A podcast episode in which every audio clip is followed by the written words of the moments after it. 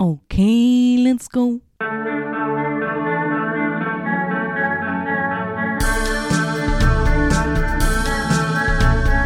Nicolas Cage podcast. Nicolas Cage podcast. Na na na na. Vond je een film van Nicolas Cage leuk? Dan zou het kunnen dat hij in deze podcast zit. Nicolas Cage podcast. Na na na na. National Treasure. Hallo iedereen en welkom bij National Treasure, de podcast waarin ik, uw host Brandon Calais, iedere keer een film bespreek met Nicolas Cage. Nicolas Cage podcast. Dit keer is er geen aflevering op donderdag, maar wel op zondag. Zondag 7 januari is dit, 2024. En dat is een speciale dag voor alle Nicolas Cage fans, want hij is vandaag jarig. Dus if you're listening out there, happy birthday Nicolas Cage. En om dat te vieren heb ik een special gemaakt met een speciale gast. Niemand minder dan Jonas Govaerts is de gast in de podcast vandaag. Jonas is filmregisseur en heeft al heel wat moois op zijn palmares staan. Zo schreef en regisseerde hij Welp, een horrorfilm over scouts. Hij maakte ook Hazard en regisseerde voor het kleine scherm, samen met Kaat Beels, de fictiereeks Tabula Rasa. Met Bert Scholiers regisseerde hij dan Fuck You Very Very Much. Alleen daarvoor zou hij al de perfecte gast zijn, maar Jonas gaat altijd the extra mile. Hij was namelijk second unit director voor Color Out of Space. Met Nicolas Cage! Ik heb voor een uurtje aan zijn lippen gehangen en alles gevraagd wat ik maar kon bedenken over de productie. Ik ben zeer blij dat hij tijd heeft vrijgemaakt voor deze fanboy te woord te staan. Welcome to the Cage Stage, Jonas. Na na na na. National Treasure.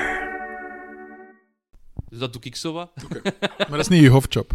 Mijn hoofdjob is leerkracht. Ah, voilà, En oké. Dus ja, ik zit in het er wel onderwijs, ik heb nu tijd om shit te doen. Ah, ja.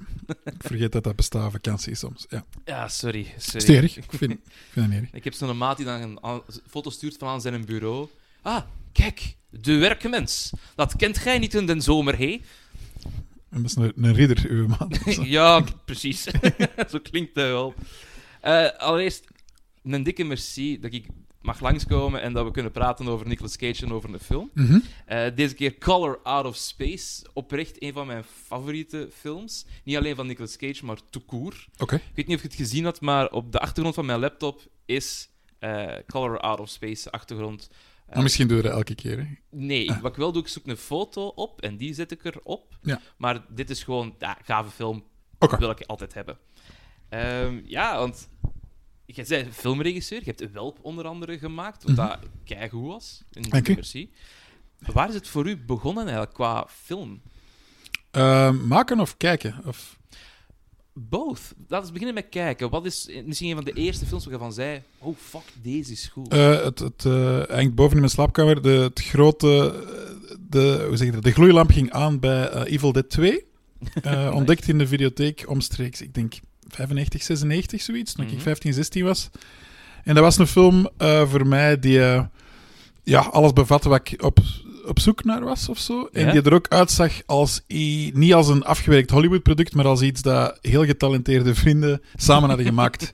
en dat was wel een sleutel van, ah, oké, misschien is dat haalbaar. Eh, dus Ja. die film heeft mijn ogen wel geopend. En dan als maker. Ah, wel, dus die, die, film belichaamt dat ook wel een beetje. Eh, ja, ja. Alright. Want je ziet dat wel bijvoorbeeld in, in Welp.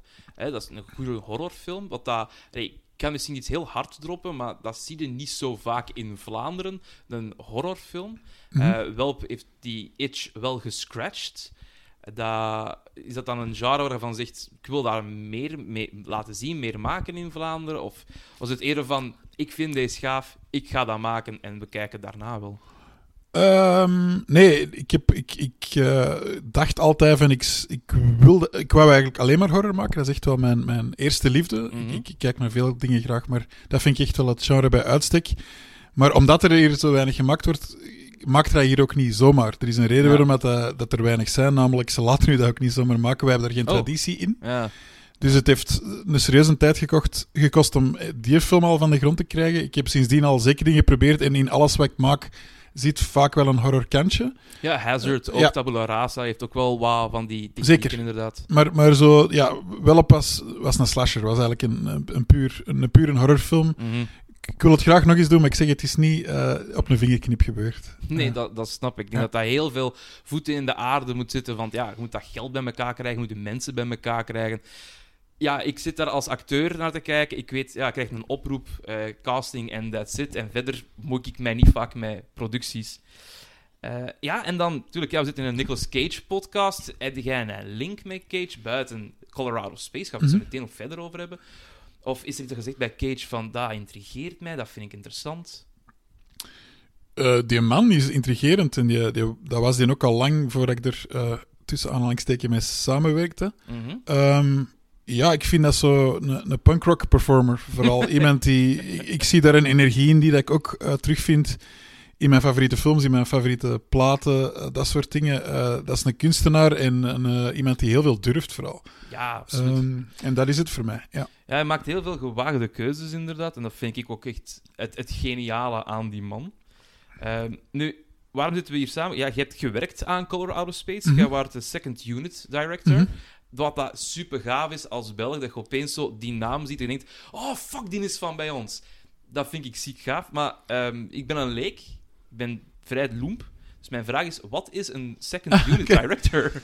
Eh, second, ik, ja, ik zal eerst dat uitleggen. Een second unit director is bijvoorbeeld iemand ehm, die eh, de beelden gaat filmen waar dat de acteurs niet per se voor nodig zijn. Een, een zonsopgang, Ja. eh, een close-up van, van eh, een, eh, in ons geval veel insecten en dieren. Daar was de hoofdregisseur eh, zot van dat we dat gingen doen. Maar dat kan ook zijn, er is een scène, zit erop, ze hebben geen tijd niet meer om de close-ups te doen van de handen die bijvoorbeeld soep eten. Dan Ja. gaan wij dat doen. Eh. En soms is dat ook letterlijk een scène die gewoon tegelijk draait met andere acteurs als de hoofdcast bezig is. Dat is vaak een oplossing om tijd en geld te winnen. Van oké, Ja. we hebben, eh, jullie mogen die lens hebben, gaan rollen met die een acteur dat draaien, wij draaien ondertussen dit. Dus je moet eigenlijk constant paraat staan. Eh, en je bent constant in, in contact met de hoofdploeg. Dat is eigenlijk een second unit. Maar ik heb daar tegelijk... eh, heb ik de making-of gemaakt. Dat was eigenlijk mijn... Daarom was ik eigenlijk op die set. Ik, ik Ah, dacht van... eh, ja, dat had ik gevraagd. En bleek dat... eh, ik kende de, de regisseur wel een beetje, Richard Stanley. Mhm. Ehm, maar dat is een vrij eh, excentrieke man, om het, om het voorzichtig te stellen. En die bleek eigenlijk echt een assistent nodig te hebben, een persoonlijke assistent. En tijdens de shoot ben ik dat ook een beetje geworden. Dus ik sta maar al één ding op die aftiteling, maar dat waren wel mijn drie functies daarop. Amai, dus je hebt echt wel... Maar jij hebt dan gezegd, ja, je kent die, die, die regisseur. Hoe heb dan? Ehm, dat kwam doordat wij eh, in een jury zaten, jaren daarvoor, eh, op het BIF Ja. eh, in Brussel. Dat is een, een, horrorfestival. Ja. Ja. Ehm, en ik was gewoon grote fan van die zijn films uit de jaren 90, Dust Devil en eh, Hardware. Ja. En eh, ja, en eh, wij hadden wel iets samen. Eh, wij kwamen goed overeen. Hadden dezelfde ehm, invloeden. En ik heb die op Facebook toen een berichtje gestuurd toen ik door had van, ah, die gaan een nieuwe film maken. Maar dat was heel lang geleden. En die zei, eh, ja, die had ook niet goed door hoe dat Facebook werkt, want die antwoordde dat gewoon publiek onder mijn bericht van, eh, kom maar af, we hebben u nodig, Eh, ik heb uw film gezien, jij zegt goed met dieren en kinderen. En dan had die productie nog iets van, wie pakte jij mee? Maar dat is dan wel goed gekomen. Eh, ja. Via Facebook gewoon. ja, dat was Facebook. Ja. Ja, om te spreken, eh, wacht, hè, normaal gezien, eh, wat ik hier heb, hij heeft een proof of concept gemaakt in 2013. Ja. Rond die tijd dan? Nee, nee, nee. Het was al wel later. Ze waren al, hij was al in zee met Spectrevision, de Ja. productiehuis en zo. Dus eh, nee, het was later. Ik denk 2018. 15, 16, Oh, dus- 17. Ja, een paar jaar voor de filmopnames in 2018. Ja, want ik heb hier vij- 2015 kwam Spectrevision aan boord. Het, gaat, het gaat in die tijd geweest Ja. zijn. Ja. Nog altijd zot vind dat Elijah Wood Spectrevision heeft. Ja. Het is Frodo. Ja, was ook opzet. Lieve man. Ja. Oh, ik heb die ook ontmoet, of hè? ja, die waren er allemaal. Eh, ze hielden in toch. Ja, ja. Ja, dat had ik heel graag bij geweest. Om gewoon al te gaan van, als fangirl van, oh my god, Gilde maakt goede dingen. Want Mandy was ook echt zalig. Ja. Ah.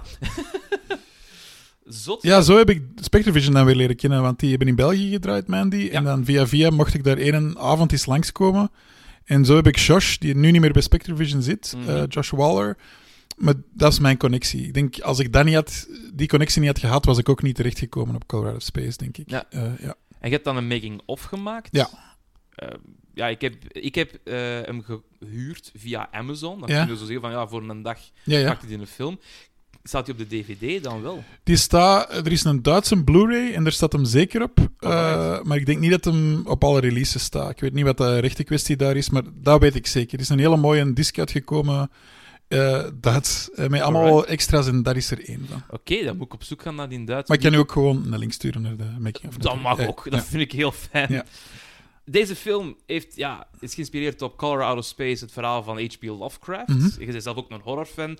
In hoeverre is Lovecraft daarin ook genesteld bij u? Als maker, als fan? Ehm, nee, ik, ik, ik, ik was eerder eh, als, als lezer fan van de mensen die beïnvloed zijn door Lovecraft. Ik, eh, Ah, ik was een grote. stage, ja. ja. Clive Barker, eh, Ja. al vroeg beginnen lezen, Stephen King. Die raken af en toe aan Lovecraft. Maar ik ben Mhm. eigenlijk pas. ik denk dat ik mijn eerste verhaal heb gelezen toen ik al aan Colorado Space bezig was, omdat Richard die een boek bij had. Ja. Ik kende de reputatie wel. Ik wist ook dat dat behoorlijk. Je moet er behoorlijk op kouwen op Lovecraft. Dat is geen. eh, ja, nee, dat, is niet, dat is niet easy. Dat en ik waar. kende, wel, ik kende wel de verfilmingen natuurlijk. Ik kende wat Ja. Stuart Gordon had gedaan. eh, dat soort dingen wist ik wel. Ja, ja, ja. En het heeft ook wel het ehm, Lovecraft Filmfestival. Is dan ook wel dingen in de bloemetjes gaan zitten van Ja, goede Waar ik eh, een kortfilm heb gemaakt die trouwens op, daar in selectie was en die op de DVD staat van, de, van het Lovecraft Festival ook. Zalig. Transfer heette die kortfilm. Transfer. Ja. Die heb ik nog niet gezien, dus die wil ik ook wel Ja. echt, echt zien. Die is voor de VRT gemaakt eh, tijdens de lockdown. Waren er allemaal kortfilms. En eh, Ah, ja, ja. we hebben iets ja. Lovecraftiaans gedaan. Oh, fuck, ik dat gemist heb. Ja, Ja. niet. Sorry, ja, ik, ik mis zoveel. Want als we het hebben over Lovecraft, inderdaad, ja, jij hebt het gelezen dan tijdens het maken van, maar blijkbaar, Richard Stanley heeft dat te horen gekregen als voorlezen. Dus zijn ma heeft dat zitten voorlezen omdat Ja. hij klein was. Ja. En eh, dan heeft hij op zijn twaalf Color of Space leren kennen. En daarna is zijn moeder ziek geworden, kanker gekregen. En dan heeft hij gezegd, we draaien de rollen om, lees ik wel voor voor u. Dat is het verhaal, ja. Dat is het verhaal, Ja, inderdaad. Ehm, wat daarvan waar is, weet ik niet, maar ik vind het wel een heel romantisch idee. Dat je zo, ja, bij mij was het Jip en Janneke vroeger. Ik weet niet wat uw moeder aan u voorlas. Eh, ja, Godfried Bomans zat erbij. Eh, Jip en Janneke is ook zeker gepasseerd. Geen Lovecraft. Oh, wel ja, Dus, nee, dat zo gaat van, ja, en dan komt Cthulhu. Nee, nee, Nee, nee.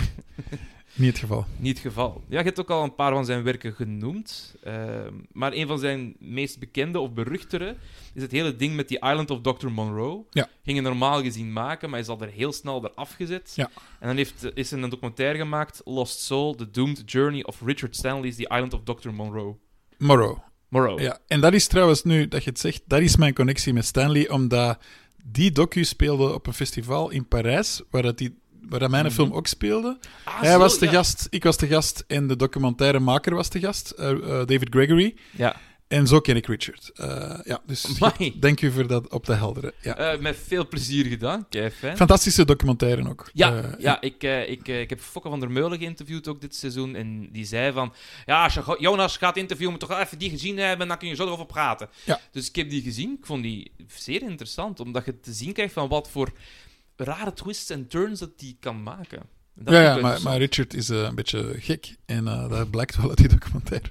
Blijkt uit de commentaire ook, maar ook in de keuzes dat hij hier maakt in de film. Omdat, ja, eh, je moet al zot zijn om te willen zeggen: ik ga Lovecraft visueel maken. Want dat is niet de most easy shit to do. Nee, nee, nee, nee, nee. Maar hij is daar wel een heel geschikte persoon voor. Ja, want allee, van een moderne vertelling van een Lovecraft-story waar dat je best een goede cast op hebt zitten, is de vraag altijd van, wat laat je zien, wat laat je niet zien. En ik vind dat daarin het heel mooi zweeft. Mhm. Tussen, ah ja, de kleur, heel veel geluid dat erbij wordt gebracht. Ehm, ja, dat zit mooi op die balans van, ah ja, ik laat toch nog genoeg zien. Ehm, en ook bij het opzoekingswerk vond ik heel interessant, als we het hebben over het visuele van Mhm. deze film.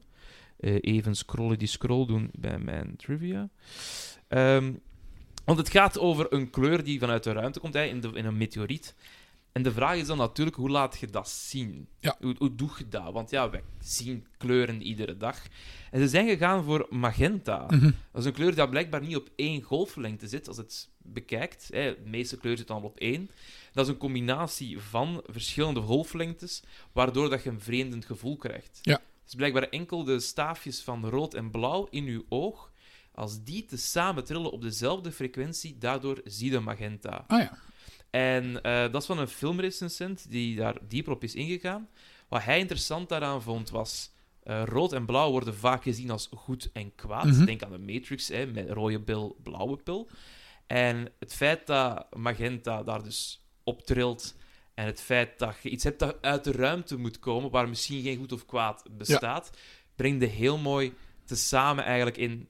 Het is niet goed, het is niet slecht, het is gewoon kracht. Ja, dat is ook waar Lovecraft vaak om draait. Dat zijn geen, dat zijn geen demonen of zo. Dat zijn eh, wezens of entiteiten die zel, zelfs niet stilstaan bij het bestaan van de menselijkheid. Die hebben daar geen gevoel bij en dat maakt het des te griezeliger. Dus dan snap ik wel die connectie. Eh, Inderdaad, ja. we are just feeble humans. Ja, we zijn, squishy. Ja, de, de, de mieren of de, de Ja. ja. exact. Of het plankton dat ze toevallig tegenkomen en vernietigen. Eh, ja. Plankton vind ik een beter, inderdaad. We zijn met veel en we zijn niets. ja, en we rieken waar raar. Ja, we rieken ook inderdaad een beetje vreemd. Eh, Maar ja, dat vind ik ook wel inderdaad heel slim van, van deze film. Dat je daar zegt van, oké, ik ga die keuze maken. Het is een kleur. Ja, ik kan niet een nieuwe kleur uit mijn gat toveren. Dat gaat niet. Maar dat je wel bewust gaat kiezen voor zo leg ik hem neer. Ja, er is ehm, twee dingen, denk ik dan. Zo, From Beyond is ook een verfilming uit de Mhm. jaren 80 van eh, Stuart Gordon, die Lovecraft verfilmt. Ik denk, ja. En die werken ook met dat palet. Ja, dat klopt Ehm, inderdaad. En dan is er een Duitse film die heet Die Farbe. En dat is eh, ook een verfilming van Colorado Space. En Ja. daar is de slimme truc van... Dat is een zwart-wit film, maar als de kleur er komt, brengen ze er kleur in. Dus dan kunnen wel... Dan, dat is een mooie manier om het goedkoop op te lossen. Ja, inderdaad. Ik heb er ook dingetjes van gezien van die farbe. Ik heb hem zelf niet helemaal gezien, maar ja, in het opzoekingswerk voor deze film vond ik het ook wel een interessant weetje van, oh shit, ja, het is wel slim om dat te doen. Dat Zeker, maakt voor de kijker Ja, heel, duidelijk. duidelijk. Als je die code van het begin afzet van wij zijn zwart-wit, en dan breekt je dat, Voilà. dat is awesome. Awesome sauce. Ehm, ja, dat was ook blijkbaar een plan om van eh, niet enkel The Color of Space te doen, maar een trilogie te doen van H.P. Lovecraft Ja. films. De volgende, een van mijn fav- favorite stories, Dunwich Horror, zou normaal gezien gedaan worden. Die plannen zijn helaas weg, die zijn Mhm. kapot. ehm, omdat eh Spectrovision heeft gezegd, wij verscheuren alle banden met de regisseur, omdat er huiselijk geweld was tegen zijn partner en schrijfpartner ook, Mhm. Scarlett. Ehm, dat is kak. Dat is verschrikkelijk. Ja, ja, zeker. Ja, absoluut. Ik had die films wel graag gezien, want ja, Ah, dat je bedoelde dat geweld is verschrikkelijk. geweld is ook verschrikkelijk. Oké. Nee, nee, dat absoluut abso fucking leuk. Maar ik had die films ook wel, wel graag willen zien. Eh, ja, ja, nee, eh, zeker. Maar, maar ehm, het was al een heel karwei om Richard van zijn berg af te krijgen. Dat is echt een, een rare kluizenaar. Eh, Ja? Dus dat, het is eigenlijk al een wonder dat die eerste film gelukt is. Ehm, en er waren inderdaad plannen, wilde plannen. En, en het laatste van wat, wat ik van Richard heb gehoord, zijn die er nog. Niet met Spectrovision, maar die zijn nee, er nog wel. anders ja. dan. Ja. Ehm, maar kijk, eh, ja, elke film die gemaakt wordt is een wonder. Eh, ik hoop ook dat die er komen, maar eh, het zal niet met Spectrovision zijn. Nee, ja, dat begrijp ik ook wel. Want wat je zegt, hè, iedere film is een wonder. Dat komt hier heel hard eigenlijk door in het maken van deze podcast. Dat er soms plannen liggen die tien jaar lang in een schuif liggen, of niet verkocht geraken, of de juiste mensen niet vinden. En dan opeens klikt dat, en dan wordt die bal aan rollen gebracht. En dat, ja, ik vind dat heel zot. Dat, Ah ja, dat is, dat is gewoon hoe dat gaat. En ik denk, hoe populairder dat je wordt als maker, hoe meer niet gemaakte dingen dat je gaat hebben, eh, logischerwijs. Eh, meer mensen komen aan je, aan uw arm trekken eh, met een of ander fantastisch project en je hebt niet de tijd of de middelen of, om het te maken, of het is gewoon nog niet goed genoeg. Dus ja, Ja. zo vreemd is dat helaas niet. Ja, nu, je zegt er iets interessants. Hè? Tijd, geld, ruimte, noem maar op. Stel nu, schuiven even alles aan de kant. We geven u geld. We geven niet een bak geld. Hè? Maar echt, je denkt, Studio 100 heeft gesponsord al het geld van de wereld. Doe maar. Je hebt de tijd er ook voor. Wat zou voor u dan een droomproject zijn? Dat je zegt, oh, als ik deze zou kunnen maken... Oeh, zo zijn er ook weer heel veel. Eh, als het in een horrorsfeer zit, dan... ehm, er is een verhaal dat, raar, dat nog niet geadapteerd is van Clive Barker. Dat heet The Madonna. En de, ja, dat is een kort verhaal uit de Books of Blood. En Mhm. eh, ja, dat, elk jaar hoop ik dat niemand anders ermee gaat lopen. Ook niks heel groot, of dat, is, dat hoeft niet heel duur te zijn, maar het is wel een heel eh, pervers en seksueel en, en eh, verwrongen verhaal dat ik je graag zou verfilmen. Ja. Zalig. Dat klinkt wel goed. Klinkt wel tof. Ik ben benieuwd. Oh, ik, ik zou je al het geld van de wereld willen geven, maar ik ben een leerkracht, dus ik heb Ja. geen geld. Ik ben regisseur, ik heb ook geen geld. Voilà. Ja. Eh, de muziek van deze film is Mhm. in handen van Colin Stinson. Stetson. Maar ik kan echt geen namen zeggen vandaag. Het is verschrikkelijk, sorry. En die heeft dan muziek gemaakt voor onder andere The Menu en Hereditary. Twee topfilms, zeker Hereditary vind ik echt een crazy goede film. Heb jij ook met hem kunnen samenwerken op een niveau? Of... Nee, dat is allemaal postproductie waar ik eh, niet Ja. bij was. En ook op set waren toen nog in onderhandeling met een andere artiest, met One Tricks Point Never, die Oké. onder meer Good Time heeft gedaan. Ja, ja, ja, Ehm, daarmee, daarmee waren ze aan het praten. Eh, dus er was nog geen sprake van Colin Stetson, maar ik vind dat wel een heel coole score, uiteindelijk, wat hem gemaakt heeft. Ja, ik, ben, allee, ik zou die in LP wel, wel graag willen. Eh, alleen nog maar voor de visual erop, vind ik al zalig. Maar die muziek is, is crazy zot. En ik heb een citaat van hem gevonden uit een interview. eh, dat hij zichzelf de vraag stelt van hoe dat hij die, die sound moet maken. Ik pak het er even letterlijk bij. Mhm. The, the question posed initially when conceiving of this score was what exactly is a sonic representation of a cosmic alien color that does not exist in this terrestrial reality? I began trying to answer that by layering the sound of coral reefs, processing that cacophony, and finding the order revealed through harmonic generation of these hyperdensities, and then continued to chase that same concept of transfiguring the natural down every path and application I could see. Turns out it's somewhere between magenta and hot pink. En vooral saxofoon heb ik ook wel. Daar kwam het op neer. Ja, dat zullen die coral reefs zijn. Ja. Hè? Dat is zo, ja, pak dat maar. Dat Ja. er nog niet zo, gelijk Spongebob, aan het doen was. maar, eh, nee, goh, ik vind dat heel zot, echt, die, die soundtrack. Ja, is geeft score. zo'n fucking eerie gevoel. Oh, ik vind dat goed. dat, en- en- als, u, als de soundtrack echt goed is en die kan u meepakken in shit, dan transporteert dat u echt naar, in dit geval, die cabin in the woods met die alpaca's. Je zit er dan in. En ik vind dat in het begin al heel goed gelukt. Ja. Die shots van die bomen in dat bos, de voice-over. Je komt er direct eigenlijk in. Ik vind dat heel, heel knap. Ja, en ook een film met zo'n concept als dit heeft nodig dat de soundtrack eh, het buitenaardse mee vorm geeft. Want veel krijg je eigenlijk niet te zien in de uiteindelijke film. Het zit allemaal in, in details en sfeer. Dus, en muziek is daar zeker een deel van. Ja. Ja, het, su- het suggereert heel veel van dit gebeurt nu of dat gebeurt nu, wat Ja. dat goed is. Want dat je het zou laten zien.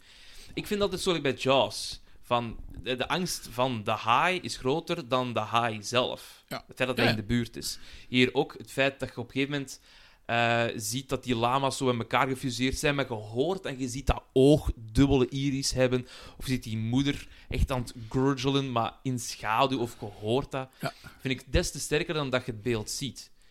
Niet zeggende dat het gore, gore beeld van die zoon en die moeder tezamen... Ja. Mijn god, ik heb echt... De eerste keer dat ik dat zag... ugh. Ja, er was op set was er een naam voor, voor dat creatuur, maar ik ben het even vergeten. Zeg nu niet Human Centipede Nee, 2, nee, hè. de Jurisa. Het was die twee namen door elkaar, ik weet het niet meer. Eh, ja. Could be. Ja. Want dat vond ik wel heel straf aan deze film ook. Eh, ja, de kleur, nee, nee. Maar eh, het aanwezigen van zo dat pulserende paarse. Dat je heel lichtjes soms ziet in een oog of in een klein beestje of zo. Ja. Straf. Ja, ja, ja. Die, ze hadden ook een heel goed ehm, Spaans visual effects team. En dat waren allemaal Lovecraft-fans. Daarom waren die... eh, ja, ja, dan kom je er wel. T, T, ik moet het juist zeggen, het is T108 of zoiets. En, eh, het is niet de beste naam om te onthouden. Heel lieve mensen, eh, die heel goed verstonden wat Richard wou. En Ja. die Lovecraft ook begrepen. En heel veel van de dingen dat je noemt, dat, is hun, hun, dat hebben zij Hun bedacht. pakje Jan, Ja. echt. Zot. Ja. Eh, ja, ik, dit is bij mij echt een beetje een liefdesbrief aan die film ook. Zo. Ik vind die echt steengoed. Ehm, wat ik ook wel interessant vind, is we hebben over Nicolas Cage in deze film. Mhm. Eh, blijkbaar was Richard een grote fan van Vampire's Kiss, Mhm. die ook al besproken is in seizoen 2. En hij heeft gevraagd, blijkbaar, om dezelfde stijl voor performance te kunnen neerzetten in deze film. En ik vind dat je dat ook hoort. Op het moment dat hij iets meer onder de invloed is van eh, de light, hè, de color, dan begint hem zo terug dat hele, you know, zo wat iets meer nasaler te beginnen praten. Alhoewel hij terug, ja, in die film van, wat is het, jaren 80? Nee, Zeven- 87? 88. Ah ja, ja. En 88 zit, dat hij, ja, wil doen alsof dat hij goed is, maar eigenlijk is dat niet. Dat was dat dat stemmetje dat de hele tijd aan het switchen was. Ja, op zei Cage zelf dat dat kwam, dat hem eigenlijk zijn vader was aan het imiteren, die zich, die zich eh, intellectueler voordeed dan dat hem was. En eh, heeft hij, eh, ik denk dat hem vrij vaak zijn vader als inspiratie gebruikt. Ik heb hem dat nog eens horen zeggen. Ja. Maar dat is letterlijk wat hem tijdens een van de etentjes zei, van dat is waar het hem naartoe gaat. Oké. Ik moet even, ik moet even gewoon beseffen dat jij etentjes hebt gehad met nee, nee, één, één etentje. Eén eten. En ja. niet, dat is niet één op één, hè. dat was met een heel tafel. Dat was geen, dat was geen eh Ja, maar dat- eh, relaxte bedoeling. Het is zo, well, laatste avondmaal dan een Cage als Jezus of... Eh, ja, dat komt nog dat komt in de buurt. Nee, het was ook extra stress omdat ehm, ik was met Richard eh, in, een, ehm, in een shoppingmall. Dat was allemaal gefilmd in, in Portugal. Ja. En Richard kon gewoon niet echt gaan shoppen. Die snapte dat helemaal niet hoe dat hem dan in, in het eh, Portugees moest gaan eh, shoppen. Dus we waren in een, in een shoppingmall en we hadden daar onder meer wat wij gekocht hadden. Dat ligt daar, ik zal het spel laten zien. Ja. Halloween-maskers, ook al was het niet Halloween, hij was er ineens door geobsedeerd. En ik krijg ineens in die mall telefoon van de producer: Waar zijn jullie? Er is een eten gepland met Nicolas Cage en de producers en jullie zijn er niet. Richard had mij dat helemaal niet laten weten, dus wij kwamen er een dik uur te laat aan op dat eten. Dus dat was al stress. En blijkbaar om, eh, om, om eh, de gemoederen te bedaren, hadden ze Cage veel te veel wijn gegeven. Of gezegd van dat is hier een wijnproever. Die was al stondzat tegen dat Oh, we er waren. En dan begonnen die om de beurt te speechen iedereen. Dat was een heel raar bedoeling eigenlijk. Dan was het aan ehm, Cage zelf, die Mhm. iemand bejubelde. En die zei, ehm, die zei iets zoals: it's, it's nice to be important, but it's nicer to be more important. En dan het jongetje dat in de film meespeelt, die zei... Ja, eh, eh, Jack, ja. ja, die zei: Sorry, Nick, but isn't it? It's nice to be important, but it's more important to be nice. En die keek zo even naar dat jongetje en die is eigenlijk weggelopen en niet meer teruggekomen. Dus hij was pist dat een kleine hem verbeterd had. Nog god. Eh, dus dat was een heel rare avond. Ehm, dat is wel... Ja. ga dat wel nooit vergeten, natuurlijk. Eh, ja, nee, dat gaat inderdaad niet vergeten. Oh, amai, dat is wel een dik move, inderdaad. Van die kleine. van Cage. ik denk van, van Cage, dat je zo gaat van, ja, fuck deze ja, eh, allee, zo herinner ik het mij. Misschien was er meer aan de hand, maar ehm, ja. Weet ik niet. Ik weet niet heel veel over de interactie tussen de acteurs zelf. Nee, nee, nee. Maar eh, ja, dat kan wel gebeuren. Want ik vind hierin... ehm, hij heeft het ook gezegd, van hij heeft zich laten inspireren eh, door Jack Nicholson onder andere, Mhm. als hij in de auto zat, om even een outburst te hebben.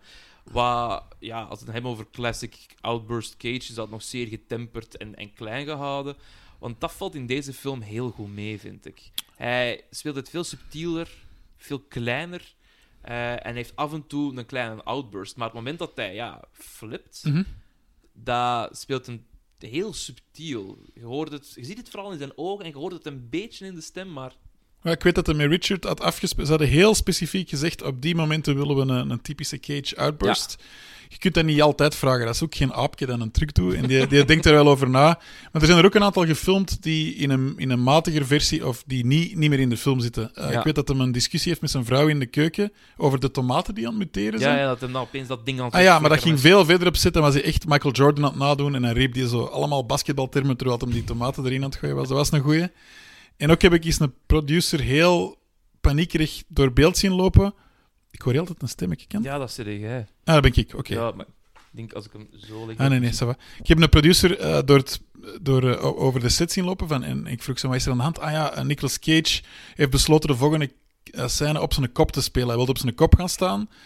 Maar daar staan we niet klaar voor, voor de ploeg. En moeten ze die, moeten ze die overhalen van dat niet te doen. En die, die probeert vaak dingen uit die eigenlijk vrij absurd zijn. Mhm. Maar die dan consequenties kunnen hebben voor de rest van de film. Bijvoorbeeld, die komeet die valt, die zou een zekere geur Ja, met zich meebrengen. Dus dan eh, zegt hij zo heel serieus, en je weet niet, is hij nu aan het testen of meent hij dat? Wat als mijn personage in de volgende scène een wasknijper op zijn neus heeft? En dan in de rest van de film deel je dat uit aan iedereen, die wasknijpers. En op het einde van de film heeft iedereen een wasknijper op zijn neus. En dan moet er echt een meeting zijn tussen producers over wasknijpers, omdat Nicolas Cage dat wilt. En dan doen ze dat niet, of dan praat ze dat uit zijn hoofd. Maar dat vind ik wel leuk, dat hij met zo'n dingen afkomt. Ja. nee, ja, dat is inderdaad. Die, die testen heel graag waters uit van wat kan wel, wat kan niet. Want hij is ook een van de enigen die in de film het heeft over de geur. In het begin hebben ze het daar allemaal over, van Ah, ja. het stinkt inderdaad. En dan verdwijnt dat. Ah, ja. En hij is de enige die met die geur bezig is. Wat als kijker je dan het idee krijgt dat de color zich aan het verspreiden is, maar op totale andere niveaus. Hij is ook de enige die die rash krijgt, bijvoorbeeld, aan Ja, zijn ja, ja, armen. maar hij is, hij is er het dichtstbij, hè. dat is het idee, denk ik. Hè? Dat denk Ja, ik ook ja. inderdaad. Eh, maar ook eh, het jongetje Jack is degene die de shock als eerste krijgt Ja. over zich. Dus hij wordt het diepste geraakt ook. Ehm, blijft daar nog vrij ongedeerd over tot op het einde. Dan is Ja. het gewoon gone. Ehm, maar dat, eh, ja. Ik denk dat wasknijpers het meer in de komische noot hadden gestoken voor deze film. ja, ik zeg niet dat het een goed idee was, maar ik heb het, het was grappig om het te horen voorstellen. Ja, ja. Want, allee, is dat in België ook zo? Want ik weet, in de States, vaak producers zitten eraan bij, de hele tijd aan het nadenken, aan het meeschetsen. Is dat in, in Vlaanderen op filmsets ook zo? Eh, hangt er een beetje vanaf met welke producers dat je werkt. Ik heb daar nog niet te veel mogen meemaken, gelukkig. Nog niet. Eh, ja, ja. Hm. Maar nee, eigenlijk, het is hier andersom. Die producers waren vrij eh, meegaand, maar als er iets heel zot wordt voorgesteld, dan snap ik wel dat daar even een crisismeeting over moet eh, gehouden worden. Ja. Maar, maar deze, waren geen, deze, waren, deze waren heel creatief. eh creatieve producers die goed wisten wat ze aan het maken waren. Dat is, eh, dat is een cool team, Spectrevision. Ja. Nice. Ik denk ook wel dat ze gewoon het, vertrouwen hebben in een regisseur. Van ja, je hebt gewoon een zot idee. Ja. Hoe kunnen we helpen om je zot idee op dat witte doek Dat te was het krijgen? wel. Ja. Qua muziek, even Judy Hoop terug. Mhm. Wat heel fijn is, dat je dat twee soorten muziek naast de soundtrack. Gewoon nummers die erin voorkomen. zijn vooral heavy metal nummers. Ja. Omwille van, ja, meisje dat aan het De luisteren dochter is een metal fan. Ja. Ja, aantal dingen van Wormwitch zitten er tussen. Burzum, Burnt Year. Maar dan, ja, je hebt dan eh, van Cheech en Chong, en dan gewoon Tommy Chong. eh, erbij, wat hij geniaal tof doet. ja, heel lieve Oh. mens ook. Ja. Ja, maar die ziet er zo aaibaar uit. Ik denk echt dat dat een, een big huggy bear is van, ja, komt af. En we... Allee, bloot hij eigenlijk nog? Eh, Weet, weet- Ja, ja, ja, ja absoluut. Ja. En die was, die was 83 op dat moment, maar die zag er 60 uit of zo. Die, eh, dus dat is één, eh, Richard noemde dat één groot uithangbord voor marihuana. dat is, ja, de film Ja. dat hij gemaakt heeft met zijn buddy zijn ook gewoon, ja, blow of stoner films. Absoluut, ja, ja. maar Dat- hij is een goede acteur ook. Hè. Absoluut, je ja. ziet dat in, in That 70 Show ook, dat hij wel af en toe een aantal goede... Allee, die heeft goede timing ook om shit te doen, wat je bij horror ook nodig hebt. Ja. Je moet gewoon weten, nu moet het vallen en niet anders. Ja, hij zei zelf dat hij weinig horror deed, omdat hem, omdat hem niet behekst wilde worden, Tommy Chong. Eh, maar hij zei wel dat hij meer films wilde doen met Nicolas Cage, dat dat hem heel logisch leek. Eh, ik weet niet of dat nog eens gelukt is, maar Nee, Ja. tot hiertoe nog niet. Nee. Maar hey, wat, ik weet dat Cage ook... Op zijn IMDb staan er nu tien films die afgewerkt zijn of nog moeten uitkomen. Ja. Dus wie weet waar het schip nog zal stranden. Ja. Lijkt me wel gaaf. Maar ja, zoveel tijd heeft Tommy Chong nu ook weer niet meer, denk ik. Dat is waar. Ja. Maar, ja, van veel films is nog niks geweten, Dat is dus waar, wie weet dat zit hij er nog in. Dat is waar. Eh, maar dat is eigenlijk het, het hele ding. Je hebt, twee, je hebt een aantal nummers die echt metal zijn. Dan heb je twee nummers die zo, ja, 60s hippie nummers zijn. Eh, je hebt de Ballad of the Hip Death Goddess van Ultimate Spinach. Dat is echt zo, ja, wat leuke gitaren, op je gemak wat spelen. En dan Singing Waters van True Stones. Een swingende doo-wop, eh, werd het zelf nog genoemd. Ja, dat herinner ik me ook niet waar, waar dat in de film zit of zo. Ik denk dat dat In achteraf... zijn eh, ja, schuurtje op het Ah, terrein. ja, Daar zitten twee nummers in. En in de tweede keer dat je in de schuur gaat, dat is ook het moment dat dan die audiotapes komen, de muziek verstomt. Ah, de, de, de, je bedoelt de schuur van, ehm, van Tommy Chong, van zijn personage. Ja, Oké, daar staan platen op. dat klopt wel, ja. En op het einde, ja, vervaagt dat dan en krijg je dan de audio Ja. te horen. Wat dat eerie, eerie eng gedaan is. Ja. Oh, dat vond ik wel cool. Dat vond ik echt heel gaaf. Nu, ehm, ik weet niet of dat jij iemand bent die bezig bent met reviews. Is dat iets wat u bezighoudt als jij naar een film gaat kijken of aan het maken bent? Van, nou, wat gaan de recensenten daarvan zeggen? Ehm, ik, ik durf soms niet naar die van de dingen te kijken die ik zelf heb gemaakt, maar ik zou wel... Gisteren bijvoorbeeld ben ik naar Hypnotic gaan kijken, de nieuwe Mhm. Robert Rodriguez. Ik had al horen waaien dat de recensies slecht waren, maar ik dacht van... Ik wil mij gewoon amuseren, dus ik ben die gaan kijken en dan achteraf heb ik wel wat reviews bekeken. Maar zo ga ik ermee om. Voor mij is dat geen... eh, ge- dat gaat mij niet tegenhouden of aansturen om naar een film te gaan, per se. Ja, dus, dus stel, hey, ik ga gewoon iets opgooien. Stel dat je wel op twee gaat maken. En de, eh, en de, de recensenten zeggen van, ah, zitten we daarop te wachten? Ik weet niet. En jij gaat van, pff, maakt mij niet uit. Of, Eh, ja, ja, inderdaad. Maar dat is een review op voorhand, dat is wel raar. Hè? eh, je hebt altijd wel mensen die zeggen Ja, nee, van, nee. ja, maar ik heb een mening. Denk Ah ja, meningen, nee, daar moeten zeker niet mee bezig zijn. Maar ik weet, ik weet wel, als, als je daarop aanstuurt, ze waren niet zo eh, unaniem lovend over deze film, dat weet ik wel. Goh, dat, dat valt mee. Ik heb een aantal reviews meegenomen. Ik heb er twee die nergens op slaan. En ik heb er de twee die wel ergens opslaan. Oké. Maar we gaan, we gaan er dieper even op in. Mhm. Ehm, hij werd gereleased 2019 op het Midnight Madness gedeelte van de Toronto International Film Festival. Ja, waar Welp ook eh, zijn debuut heeft gemaakt. Dus. Dat is toch zalig. Ja, dat is zalig. Ja, zeker. Ik vind dat... Ja, ik vind dat echt cool dat, dat wij allee, als klein kikkerlandje gaan van... Ja, fuck you, we gaan gewoon de grote dingen doen. We doen dat wel goed met film en met tv, vind ik eigenlijk. Kikkerlandje heb ik nog nooit gehoord, maar... Nee? Klopt, ja, eh, rare uitspraken. Hallo, welkom bij deze podcast. Eh, daarna is hij naar de States gegaan in selected theaters en daarna zoveel mogelijk proberen internationaal te verspreiden. Als het gaat over geld, hij bracht in totaal iets van een 1 miljoen dollar op. Ja, maar wel kanttekening, de pandemie was toen net begonnen. Ja, dat Dus, is eh, inderdaad ja, waar. dus dat heeft er ook- zeker iets mee te ja, maken. ja. Want het budget lag tussen de 6 en de 12, heb ik gevonden via financial sites. Eh, Ah, dus dat was een flop, dat wist ik zelfs niet. Eh, Financieel gezien, ja, maar hij heeft een cult following. Ja.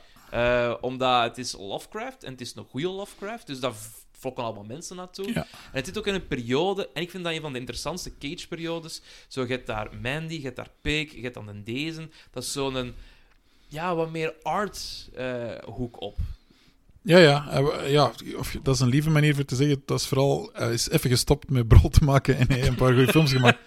Het was wel zwaar een brol aan het doen, er vlak voor, dat klopt wel. Eh, Ja, objectief gezien, absoluut fucking luid. Dat was echt scheid. ja, dat is zo die, die christelijke films en zo, die, die, Oh, en dat hem een, eh, Ja. een bootkapitein speelt, al die, al die dingen zijn eh, niet zo fris. nee, laat ons zo zeggen, even heel algemeen. De performance van Cage is, kan best daarin interessant zijn, maar het is vaak niet de twee uur Nee, nee. waard om daar te zitten. Ik heb ook afgezien, geef ik heel eerlijk toe. Jij ziet wel alles, dat is de bedoeling. Ik zie zoveel mogelijk. Ja. Ik kan niet zeggen van de 110 die nu gereleased zijn, dat ik alles gezien heb. Ah, dat valt mee. Er zijn er nog maar 110. Tot hiertoe zijn er 110 en ik reken ook ehm, Sympathy for the Devil mee, die in België pas zal uitkomen in december. Ja. Dus die reken ik ook al mee. En hij is Ja. nu met 10 nog bezig. Dus we zitten aan aan 120 Ja. in totaal. Alright. Maar ja, dat is één keer per jaar dat hij zegt... Goed, welke 14 films ga ik vandaag maken? Ja, ja. En ja, Nee, nee, cool en, en een beetje verontrustend ook, maar ja. Ja, maar hij zat de hele tijd met dat probleem van... Ja, ik heb heel veel schulden gemaakt, want piramide gekocht om zijn eigen eh, in te begraven als hij dood is. Two-Headed Cobra. Eh, wat heeft, een, man- een Haunted Mansion heeft hij ook gekocht. Hij heeft heel wat auto's. Zo, de auto van Gone in 60 Seconds, Ja. die heeft hij ook gewoon. Oké. Ik ben nog aan het denken van... Wat, heeft hem van Ghost Rider misschien de motor meegepakt? Dat weet ik nu niet, maar dat lijkt mij ook wel feasible. Ja. Als het dan gaat over deze film qua scores, dat vind ik altijd leuk om op te zoeken. Ik heb een scheidhekel aan scores. Dat gaat een merk aan de laatste score.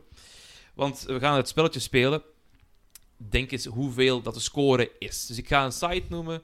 Jij probeert een score erop te kleven van wat, hoeveel zou die site gegeven hebben. IMDb. Wat zou Maar dat zijn gewoon... Iedereen kan erop zitten, hè? Ja, dat is Ja. waar. Iedereen kan erop zitten. Zes. Ja, inderdaad. Een 6.2 op 10. Ja. ja. Ja. Vind je dat een goede score voor deze film? Gezien het volk dat IMDb gebruikt als scoremachine, ja. Alright. Rotten, dat spelen we hoger-lager. Dat gaat meer zijn, denk ik. Dat gaat sowieso meer Ja? zijn. De critics gaven het 86% op de freshness Ja. scale. Oké, En het publiek meer, minder, minder. minder. Maar niet veel. 82%. Ja, oké. Nee, Wederom, hè, dat publiek, eenmaal ze de film gevonden hebben, dan they cling to it. Ja. Movie Meter geeft het een 3 op 5. Oké. Ik vind Movie Meter heel grappig, want dat is zo de... Ja, wij kijken films.nl. En mijn favoriete review site van allemaal, bol.com, geeft het een 3,8 op 5 sterren. Dat is goed. Dat is heel goed. Ah, ja. En ik heb, dit zijn dus de twee vreemde recensies die ik mee heb gepakt van bol.com. Meestal zijn dat zo ook recensies als in... Ja, mijn dvd was eh, kapot, dus eh nul sterren. Een beetje die- zo op, als op het einde van um, How It Is Get Made, de podcast. Die lezen Ja. ook... eh, ja, toen we daaraan denken. Ja, Inderdaad, inderdaad. Ik heb er dus twee meegenomen, maar ze gaan wel effectief over de film. Oké. De eerste is van iemand, eh heet Bizzer3R. Hij is tussen de 30 en 39. Toppunten. Het is met Cage. Het is classic horror. Het acteerwerk vond hij niet zo goed en de filmlengte ook niet. Oké. Deze film ben ik gaan kijken omdat ik de trailer doorgestuurd kreeg van iemand. Nou, ik kan je zeggen, Cage is hier op zijn best. Verwacht geen topprestaties op het gebied van acteren, maar op het gebied van mentale breakdowns is hij top. Het verhaal begint als er een meteoriet uit de ruimte komt dat een paarse gloed afgeeft.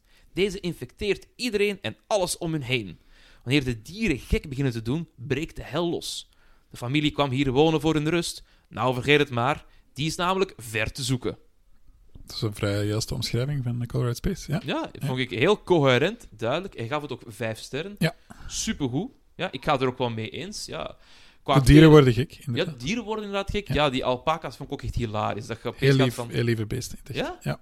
Makkelijk te regisseren? Nee, dus dat, dat moest ik weer doen. Eh, Hoe regisseert je een alpaca?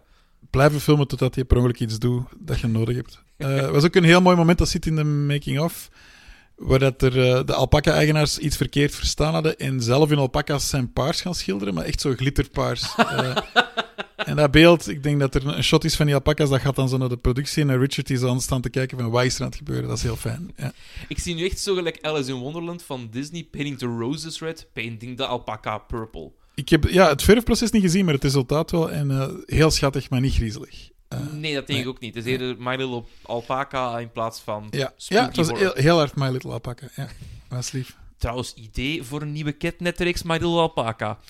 Lieve beest. Spuwen wel. Ja? Ja, en hebben bijna ehm, vogelachtige klauwen. Wat je niet verwacht onder zo'n beest. Die hebben, niet, die hebben geen hoeven, die hebben zo klauwen. Dat is eh, ja, vrij bijzonder. Vrij alien. Ja, maar eens kijken. Wel, allee, goede keuze qua Ja, ja. dier dan voor deze film. Ja, als hun voeten in beeld waren gekomen, wat niet zo is. Ja, maar nee, nee. Dat is, eh, Holy ja, shit. ja. Wicked. Wist ik ook. Ja, Mhm. Dieren weet je. voilà, kijk. Kijk af. Een andere is van Movie 1957. De persoon is tussen de 50 en de 59 en gaf het twee sterren. Oké. Een tijd geleden had ik deze trailer gezien van deze film en was er nog eentje met diezelfde acteur en deze was zeker goed. Toen ik zag dat ik hem kon bekijken, heb ik het dan ook gedaan, maar hij was niet wat ik had verwacht. Je kunt hem plaatsen tussen horror en science fiction en de speciale effecten zijn redelijk, maar de film doet mij denken aan iets dat ik reeds eerder heb gezien, maar die wel beter was dan deze film. Interpunctie bij deze is super slecht. Oké. Een gezien, dus in plaats van een gezin, een gezien. Mhm. Een gezien heeft zich verwijderd van de stad en wonen nu op een rustige omgeving, maar hun rust wordt verstoord wanneer er op een nacht iets uit de lucht valt dat lijkt op een meteoor. Geen meteoor, maar meteor.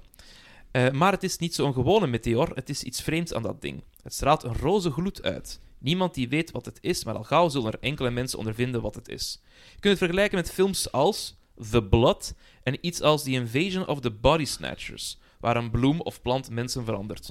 Maar deze classic horror is wel wat beter. Leuk om hem gezien te hebben, maar niet meer dan dat. Het is een mening. Het is inderdaad een mening. Ik denk ook Ik van... weet wel niet wat de blood is. Bedoelt je de blob? Dat kan. Oké. Want er staan heel veel spelfouten in. Er staan drie punten in deze hele review. We hebben Ah, het ja, over zin is gedaan, punt. Ja. Dus lastig te lezen. Nu, ja, goh, je hebt wel inderdaad films die gaan van ja, ik ga u infecteren en zo. Klopt helemaal. Maar bij deze vind ik dat net een iets ander punt hebben. Want het gaat niet over overleving of zo. Het gaat over, ja, wij zijn hier, punt.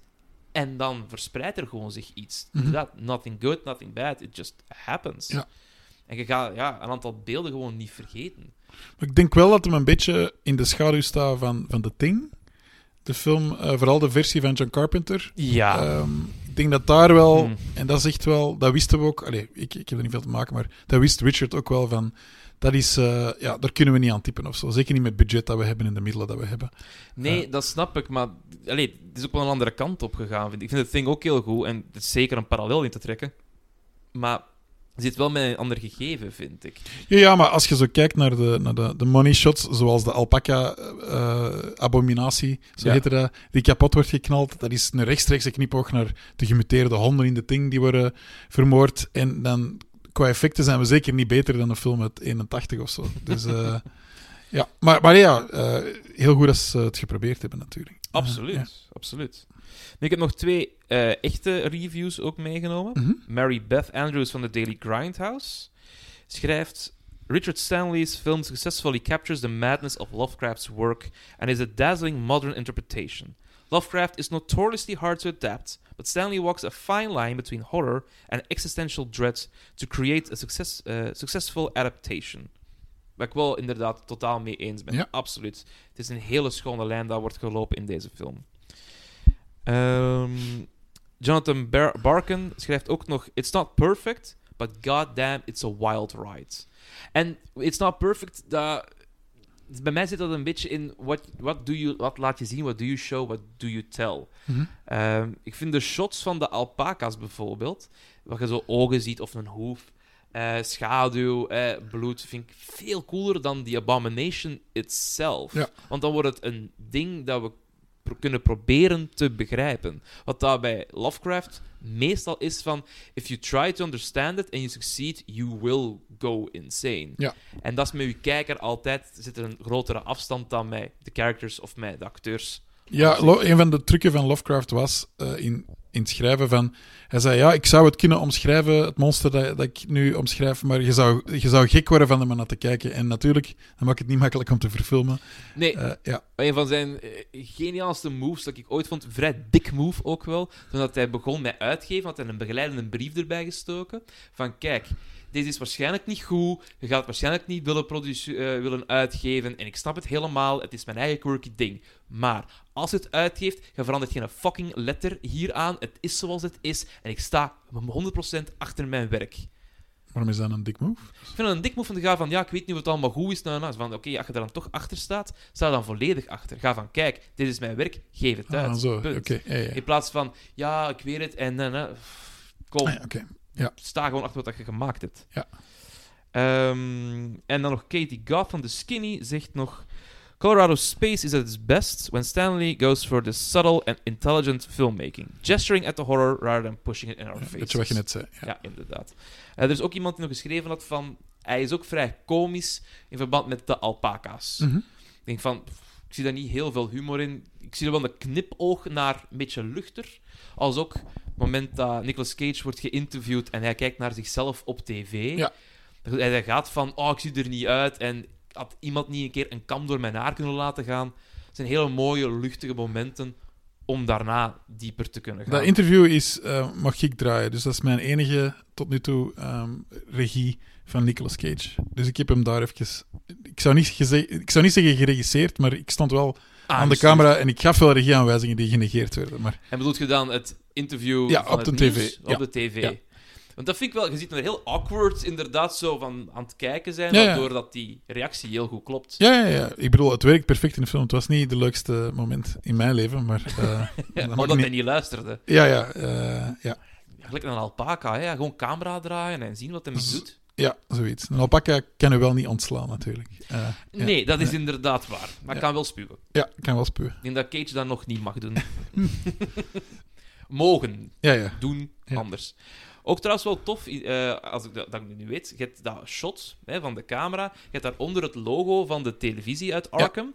En dat logo heeft ook wel precies een kleine knipoog naar een elder sign uit. Dat zit vol, eh, ja, was ook eh, Richardson toedoen. Er zitten heel veel, ehm, er zitten heel veel Lovecraft knipoogjes in, sowieso. Oh, fucking hell, ja, absoluut. Ik heb er hier heel veel opgelijst. Ja. Ehm, de plaatsnamen, eh Dunwich, Kingsport eh, wordt gementiond, Arkham wordt gementiond, Aylesbury wordt gementiond. De, een van de hoofdpersonen heeft een Miskatonic t-shirt aan van Ja. de University. Zalig. Love Miskatonic.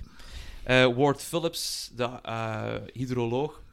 Zijn naam komt van Howard Phillips, Ja. H.P. Lovecraft. Ezra komt ook uit eh, The Case of Charles Dexter. Lavinia uit de Dunwich Horror natuurlijk. De Necronomicon zien we ook liggen in haar slaapkamer. Wat dat... Oh, ik was zo blij. Ik heb gewoon even op pauze geduwd te gaan van yes. Staat hem ook open. Denk, oh yes, de Necronomicon. Heerlijk.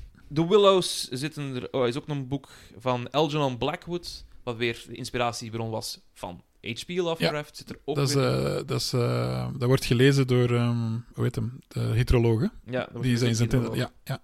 Er zitten inderdaad zoveel mooie knipogen. Je ziet dat het echt een, love een liefdesbrief is aan naar Lovecraft. Wat. Allee, ik kan daar alleen maar van smullen. Er zijn ook een aantal prijzen gewonnen. Zalig.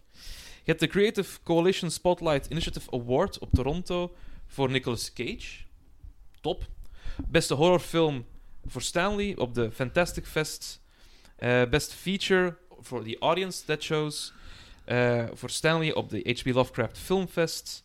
En dan een Superior Achievement in a Screenplay op de Bram Stoker Awards, genomineerd voor de twee schrijvers eh, Scarlett Amaris en Richard Stanley. Ja. Zalig. Paar prijzen er binnen gehad Mhm. en een nominatie. Dat moet ook wel fijn voelen. Je denkt van, oké, ja, mijn werk wordt wel door een aantal goede instituten, zeker dan Toronto, waar dat de film gedebuteerd is, dat er wel een prijs valt. Ja, Dat moet wel cool. goed voelen. Ja. Eens kijken of ik hier nog een paar leuke weetjes heb. Eh, dat vond ik een heel raar dingetje. Blijkbaar heeft, heeft Richard Stanley en eh, Henrik Muller hebben een ritual gedaan to eh Jock Soggoth, dat is een van de goden Mhm. uit H.P. Lovecraft, in de Pyreneeën om deze film te kunnen laten maken. Maar het is niet zo raar. Richard doet constant eh, rituelen en eh, die hangt heel de tijd rond met tovenaars en heksen. En eerlijk gezegd, als je in de buurt bent van die man, geloofde ook wel in magie. Er gebeurt van alles. En ja, het is gewoon... Hij is zo bezeten daardoor dat het Ja, het is, moeilijk, het is moeilijk om dat niet aan onzel te doen klinken. Het is ook een beetje onzel. Het is iemand met heel veel humor. Mhm. Maar dat is echt... Ja, de enige die dat ik ken die eh, echt in, in touch is met het occulten of zo. Eh, dus als je dat nu vertelt, dat verbaast mij helemaal niet. Maar ik zie die Eh. echt zo like, in het begin, gewoon met Lavinia, en een cirkel tekenen, Ja. de woorden zeggen. Ja, Jack Zakath is ook niet de minste. Het is wel een vrij evil, allee, in mijn ogen, evil fuckaroo. Mhm. Om dan te gaan van, ja, geef mij deze... Wat voor offers heeft hij daarvoor gemaakt? God knows. Maar zelfs in die docu, in eh, Island of Lost Souls, eh, vervloekt hem ook een producer Ja. of zo. Eh, hij, hij durft nogal snel met een vloek afkomen. Ja, ik denk dat hem Spectrevision ondertussen ook wel ehm Zal- occult heeft betoverd. Ja. Oh, absoluut. Ja. Die zitten vast met strings Ja. in een of andere kelder. Ehm, weird. Maar wel heerlijk weird. Ik denk wel, als je daar zo bezeten door bent, op zo'n jonge leeftijd ook die verhalen hebt gehoord, Ja. Dat, dat zijpelt ook wel door in je filmmaakprocessen. Hè? Mhm. Zeker nu in deze, dat is een Lovecraft, maar ik denk in andere films of misschien toekomstige projecten dat ook wel die magie zal doorcijpelen. Het is ook iets motiverend voor een cast en een crew. Dat je zegt van ja, die mens is zo magisch, ik volg die tot. Dat, was, dat was absoluut feit. Ja, ja, ja. Eh, iedereen zag Richard eh, graag ook eh, op die manier. Je zult zien in de docu, eh, ik heb zijn speech, zijn opening speech gefilmd Mhm. en dan slaagt hem er ook iets uit zijn botten dat je denkt, ja, die mens is niet normaal, maar iedereen klapt wel eh, het volle borst mee. Ja. De Kunnen max. klappen uit volle borst? Nee. Eh, jawel. Oké. Het is gezegd, dus dan kan het. Oké. Shakespeare heeft woorden en zinnen verzonnen die in uw taal zijn. Wij mogen dat ook. Oké. Absoluut. Ehm, Is dat Shakespeare absoluut? Nee, dat Ah. is gewoon de gekke Brandon die woorden met elkaar gooit. Oké. Eh, ja, ik heb nog een persoonlijke vraag misschien. Mhm. Ik had eh, een Cinevoxke gezien dat het scenario van Welp 2 in de maak was. Mag ik dat vragen? Hoe gaat het daarmee? Eh, afgevoerd, dat moet je vragen. Ja, Oh, dat gaat niet gebeuren. spijtig. Ja, spijtig. Ja, ik had wel graag... Want ik vond het concept wel heel cool. Dat je dat vertelt van, ja, het zijn nu de meisjes. Ja, ja dat was het vooral. idee. Ja, Ik vond dat wel een cool idee, maar ja was... was eh, nee, hebben we er niet doorgekregen. Spijtig. Yes, Maar- zeer spijtig. Andere dingen, nieuwe ideeën, ze zullen wel komen. Is Absoluut. iets waar dat je nu mee aan het werken bent? Wat denkt... Eh, ja, ik ben, eh, ik ben een jeugdboek eh, aan het adapteren. voor eventueel een jeugdfilm te maken waar, waar ik heel veel zin in heb. Ja. Zalig. Ja. Mogen een schrijver weten? Nee. Nee, oké, dan, dan, dan, dan niet. Ik snap dat. Dus ja, als ze niet mogen weten, mogen we het niet weten. Nee, sorry. Ehm, ik heb nog wel zeker één belangrijke vraag. Mhm.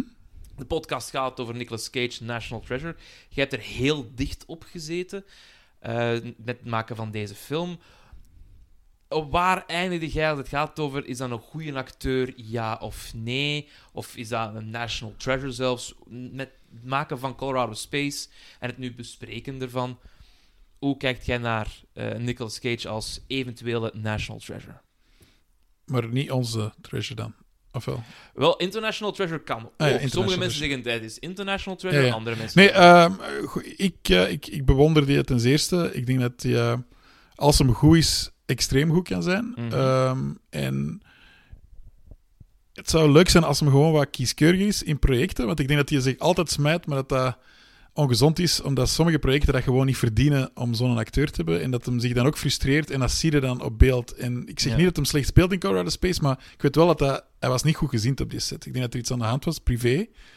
En de andere acteurs leiden daar ook wat onder. Het was zo de grootste Nicolas Cage show. Eh, Ja. Alle aandacht ging naar hem. En ik denk, op die kleine producties, ja, ik zie die vaak coole dingen doen, maar niet echt spelen met zijn medespelers, als je snapt wat ik bedoel. Oh. Ja, Ja, nee, snap- dat ja, zie je dat snap- beeld van, van het is, die film bestaat vanwege hem en hij weet dat ook. En dan, dan gaat hem niet altijd met hetzelfde respect eh, van zijn medes, aan zijn medespelers spelen, vind ik. Mhm, mhm. Maar eh, ja, hij heeft in de laatste jaren wel weer briljante dingen gedaan. Ehm, ik vond Pik heel mooi. Oh, Pik was Ehm, zo goed. Er komt nu iets aan dat er heel veel belovend uitziet, die een eh, Dream Scenario. Dat is voor A24. Ja, eh, doet hem iets. Goede dus studio ook. ik, ja. vind, ik vind hem niet uitgespeeld, maar ik vind wel jammer dat iets bijvoorbeeld...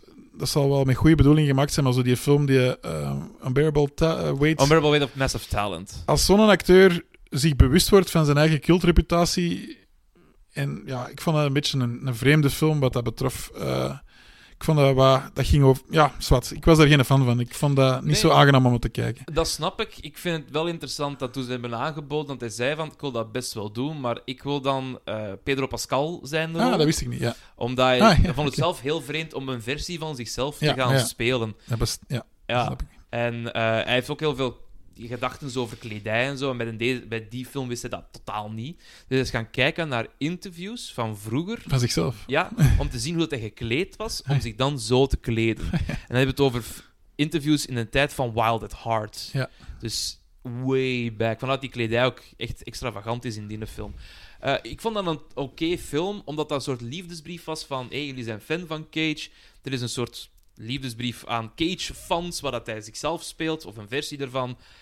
Kijk niet verder dan wat dit is. Punt. Ja, maar is dat een film waard of is dat een internetsketch? Ik vond dat zo... eh, Ah, dat is een goede Ja, vraag, ja. inderdaad. Het had misschien ook kunnen werken, inderdaad, als zo ehm Teeth Rooster eh, comedy skit of zo. ehm, Had wel funny geweest. Want je hebt wel zo'n heel grappige skit van de ehm, casting eh, agent nee, van ja, de agent van... Ja, ja, Ja, ja, ja, ja. Dat was wel een Ja, coole maar- skit. ja. Nee, ik snap dat. En ik denk nu... eh, ik heb het er met Fokken ook over gehad. Je hebt eh, Renfield dat bijvoorbeeld komt. Mhm. Ehm, Is al geweest. Of ja, sorry, is al geweest, Ja, inderdaad. Ja. Eh, ik denk aan Symphony for the Devil, ook dat er wel aankomt. Dat het misschien ook een beetje aan het spelen is op... We pakken nu Cage, omdat het Cage is, en hij speelt Cage. Dat, Ja, maar dat, daar is op zich niks mis mee. Ehm, ik vind dat leuk. Ik denk van, ja... maar dat doet hem al 30 jaar. hè, ja. mm, Eh, Daar ben ik het weer, weer niet mee eens. omdat hij, hij is al een, echt wel een tijdje goed aan het zoeken geweest in, in heel veel eh, soorten cinema. Je hebt Duits expressionisme, dat bijvoorbeeld dat hij ehm Nosferatu zegt van oké, ik vind dat een interessante film. Hoe kan ik dat verwerken in, in deze scènes of in die film? Mhm. Vind ik ook, en Moonstruck bijvoorbeeld met I Lost My Hand is zeer ja, oldschool German movie. Maar ehm, nu is het eerder zo van ja, schreef het nog eens een paar keer en gaan. ja, maar dat zijn de verschrikkelijkste films, inderdaad. Ehm, Ja. maar hij moet gewoon wat uitgedaagd worden eh, door zijn regisseurs. Maar ik vraag me dan ook af, ik zag die dan wel bezig met Richard en dan luistert hij, maar dan denk ik van, fuck, die gast is door John Woo geregisseerd, door Martin Scorsese. Luistert hij nog naar regisseurs nu die, die hem iets vragen, of doet hij gewoon zijn goesting? En ik denk, Goeie vraag. ja nee, ik zie soms dat hem gewoon zijn goesting doet. En eh, het zou leuk zijn als hij zich laat uitdagen. Eh, maar misschien is dat op zijn niveau helemaal niet zo evident. Nee, goh. Qua verdediging voor Cage zouden we kunnen zeggen... Het is niet zo evident, want hij heeft met zoveel mensen al gewerkt. Wat gaat hij nieuw brengen? Mhm. Aan de andere kant, hij oppert wel heel de tijd dat hij de eeuwige leerling is. Ja, hij ja. moet blijven bijleren door alles en iedereen.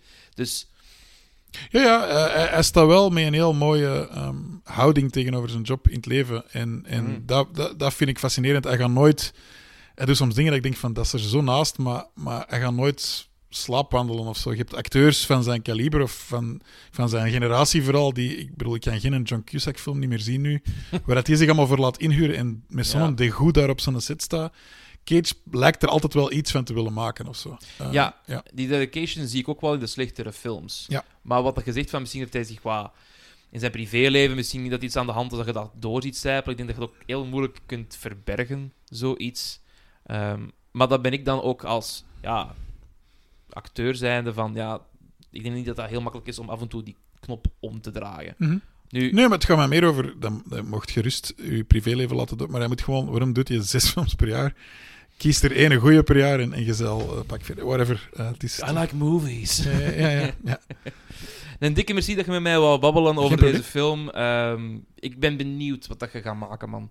Oké. Eh, ik denk dat heel veel coole shit langs van uw kant naar de kleine en grote schermen gaat komen. Dus ja, keep on doing the great man. Merci. Alright. Dit was het voor deze keer. Ik bedank graag Jeff Jacobs en Naomi van Damme voor de intro, Megan Kremers voor het artwork en u om te luisteren. Graag tot de volgende keer when we will capture lightning in a cage.